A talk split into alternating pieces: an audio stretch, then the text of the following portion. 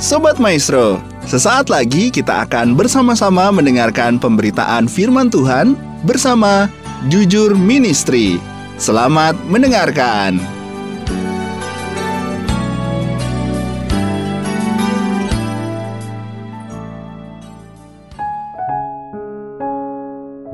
Shalom, salam jumpa kembali bersama saya Ibu Heniliana dari Jujur Ministry. Jujur Ministry sendiri memiliki visi melayani dengan kasih sesuai perintah kerajaan Allah, menjadi perpanjangan tangan Tuhan untuk orang miskin. Misi kami adalah membantu mensejahterakan masyarakat yang miskin, membangkitkan empati untuk orang tua dan anak-anak muda untuk terus memiliki gaya hidup yang suka berbagi dan memiliki hati yang berkemurahan.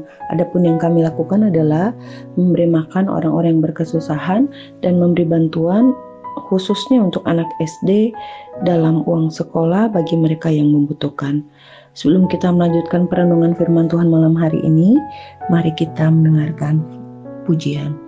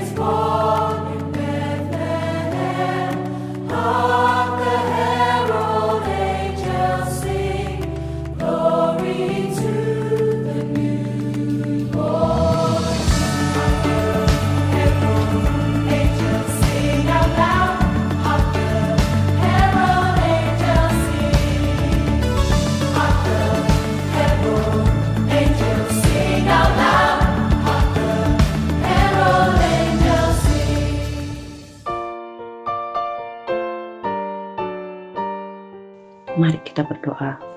Bapak terima kasih kami sudah melewati Natal tahun 2021. Malam hari ini kami siapkan hati kami untuk mendengarkan sebagian dari firman-Mu. Tuhan Yesus berbicaralah melalui kebenaran-Mu, biar melalui kebenaran-Mu kami boleh dikuatkan kembali melalui firman-Mu. Kami siap menerima firman-Mu hanya di dalam nama Tuhan Yesus Kristus. Haleluya. Amin. Sobat Maestro, malam hari ini Nats kita terambil dari Matius pasal yang kedua, ayat yang ke-15, 18, dan 23. Saya akan bacakan ayat yang ke-15, dan tinggal di sana hingga Herodes mati. Hal itu terjadi supaya genaplah yang difirmankan Tuhan oleh Nabi dari Mesir, kupanggil anakku. Ayat yang ke-18, berbunyi terdengarlah suara di Rama, tangis dan ratap yang amat sedih. Rahel menangisi anak-anaknya dan ia tidak mau lagi dihibur sebab mereka tidak ada lagi. Ayat yang ke-23 berkata, Setiba, setibanya di sana pun ia tinggal di sebuah kota yang bernama Nazaret. Hal itu terjadi supaya genaplah firman yang disampaikan oleh nabi-nabi bahwa ia akan disebut orang Nazaret. Sobat Maestro, malam hari ini renungan kita itu bertemakan tentang janji Tuhan yang digenapi. Kenapa firman Tuhan berkata begitu? Saudara Natal yang pertama kita lihat, kita baca tadi, Natal yang dilakukan pada saat kelahiran Tuhan Yesus itu bukan dirayakan, dirayakan dalam keadaan pesta pora, dalam keadaan liburan yang luar biasa, bukan tapi dalam keadaan yang sangat apa ya kalau dibilang tuh uh, sangat mencekam. Pada saat Yesus lahir ada banyak kematian anak-anak yang lain. Tetapi waktu saya merenungkan firman Tuhan ini, hal ini yang diingatkan kepada saya. Hal ini terjadi supaya genaplah apa yang difirmankan Tuhan oleh Nabi. Saudara, saya dikuatkan kembali apa pun kondisi yang kita lihat hari-hari ini mungkin tidak semakin baik. Tetapi firman Tuhan mengatakan bahwa semuanya, semua janji Tuhan itu pasti akan digenapi. Apa janji Tuhan? Janji Tuhan tentang kelahiran Tuhan Yesus di dalam Yesaya 7 ayat 14 bahwa juru selamat itu akan dilahirkan dari seorang perawan. Itu digenapi di Matius 1 ayat yang ke-23. Kemudian juru selamat akan dilahirkan di Bethlehem. Di Mika 5 ayat yang kedua. Itu digenapi di Matius 2 ayat 10. Yesus dilahirkan di Bethlehem, persis seperti yang dimuatkan oleh Nabi Mika. Ada hal lain lagi yang yang yang yang digenapi oleh firman Tuhan. Di Hosea pasal yang ke-11 ayat 1 dikatakan bahwa Yesus itu harus diasingkan ke Mesir. Itu digenapi di Matius 2 ayat yang ke-13. Saudara, ada banyak janji Tuhan itu digenapi. Seringkali yang terjadi dengan kita adalah waktu proses pengenapan janji Tuhan, kita tuh dipengaruhi oleh keadaan dan situasi di sekitar kita reaksi kita, sikap kita terhadap menanti janji Tuhan ini justru seperti ini. Waktu kita menanti janji Tuhan, biasanya keadaan tidak justru semakin baik. Waktu kita berdoa untuk suatu hal, justru keadaannya biasanya lebih buruk. Bahkan keadaannya tidak semakin baik. Hal ini yang membuat kita tuh sering bimbang, sering ragu tentang kepastian akan janji Tuhan.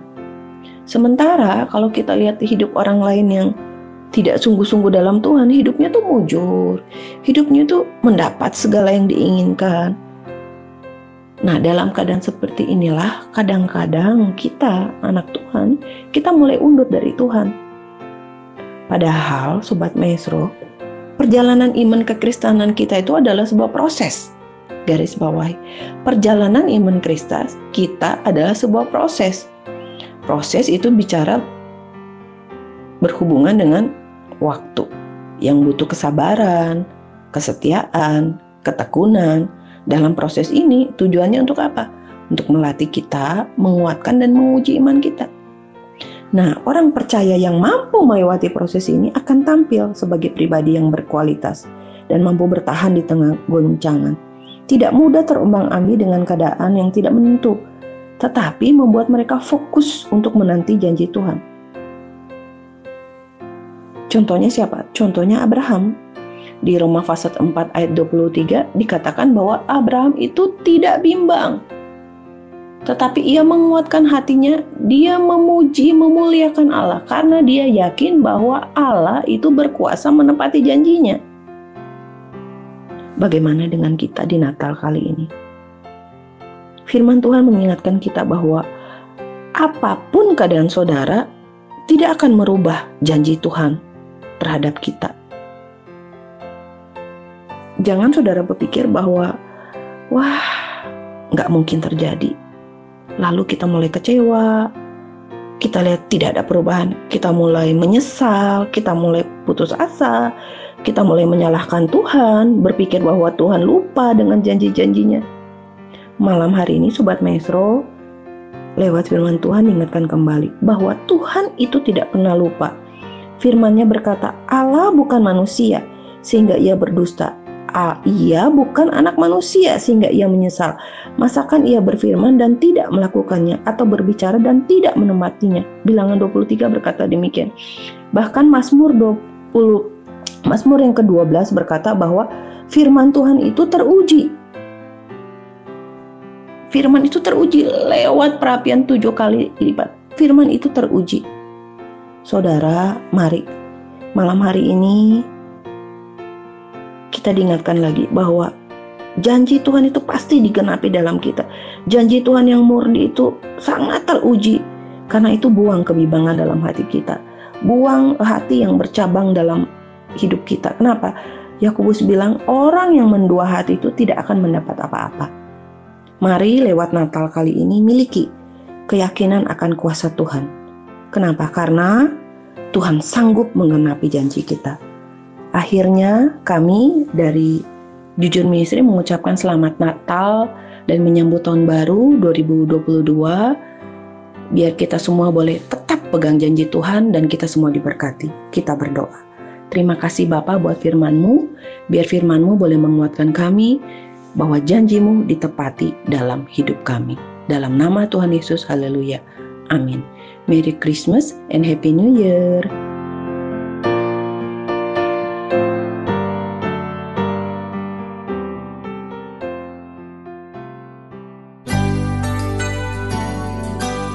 Sobat Maestro, kita baru saja mendengarkan pemberitaan firman Tuhan bersama Jujur Ministry. Terima kasih atas kebersamaan Anda. Tuhan Yesus memberkati.